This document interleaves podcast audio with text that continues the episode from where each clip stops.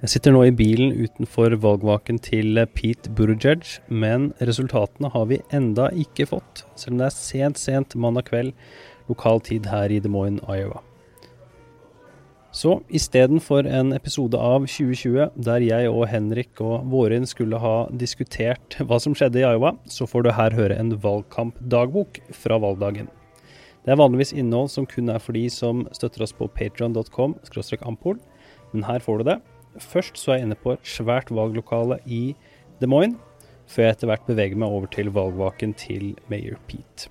Håper du liker det, og så er 2020 tilbake når vi har reelle resultater fra Iowa.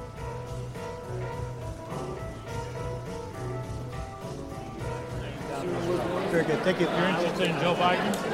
Are you boxing for Warren? Awesome. Oh. Checking their other Jeg da inne i et svært uh, valglokale med en basketballbane i midten og tribuner eh, rundt. Og på disse tribunene så har det da fordelt seg støttespillere, så det er en egen seksjon rett ved siden av meg her for Amy Klobuchar og Pete Buttigieg. På andre siden her så sitter Biden, Warren, Bernie, eh, som jeg kan se. Og så skal man da sette seg på disse setene, og så skal man da begynne å telle. I dette lokalet her så er det såpass mange mennesker at man ikke kan uh, gå ut på gulvet. Så da har de oversikt med å telle disse setene. Okay. All right. I believe we have consensus. The head in the House is 849. The caucus math and rounding up, viability is 127. That means in order to get any delegates and to be viable and get delegates, each presidential preference group must have at least 127. So, Bernie Sanders,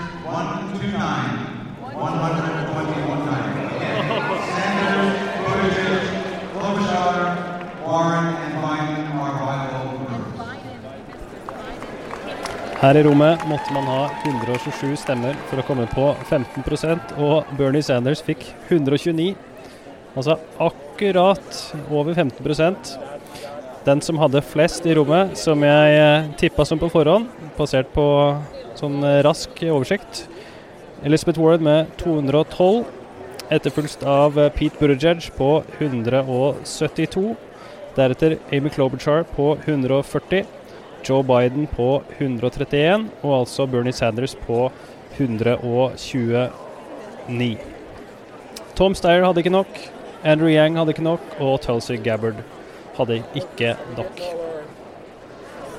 At this time, at 8.32, I'm going to declare the realignment period closed. Now, anybody who was in a non-viable group who has made a second choice and has their card, their presidential preference card, please migrate right now to the preference area of your second choice.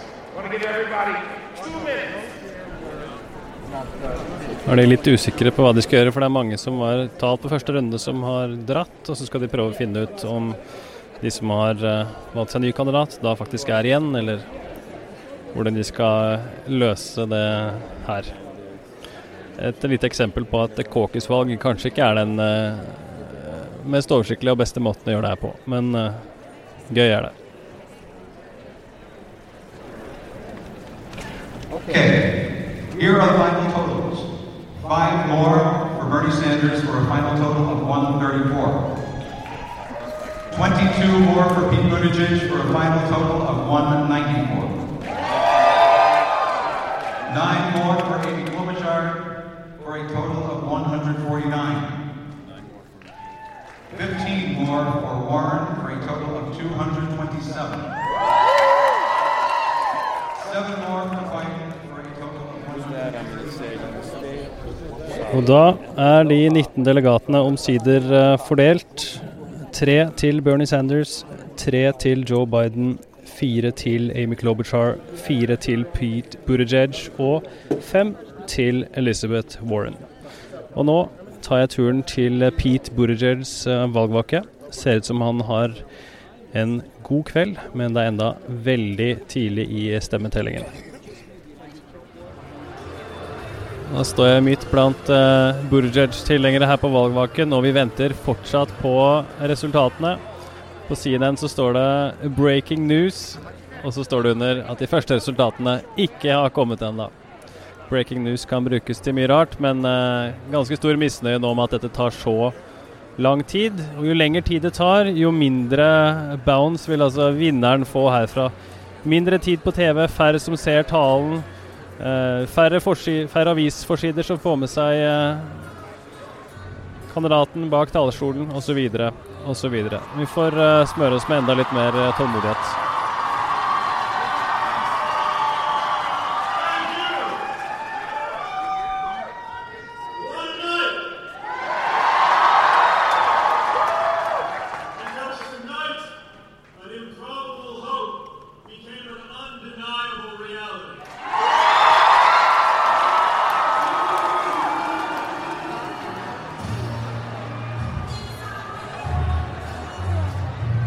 På vei ut av eh, Pete Buttigiegs uh, valgvake, der han uh, så godt som erklærte seier.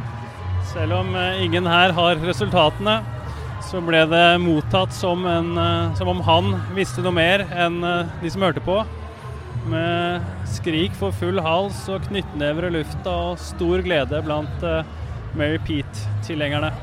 Men idet jeg går ut av valglokale der det deles ut uh, plakater og diverse, så er det ingen som vet hvordan dette egentlig går.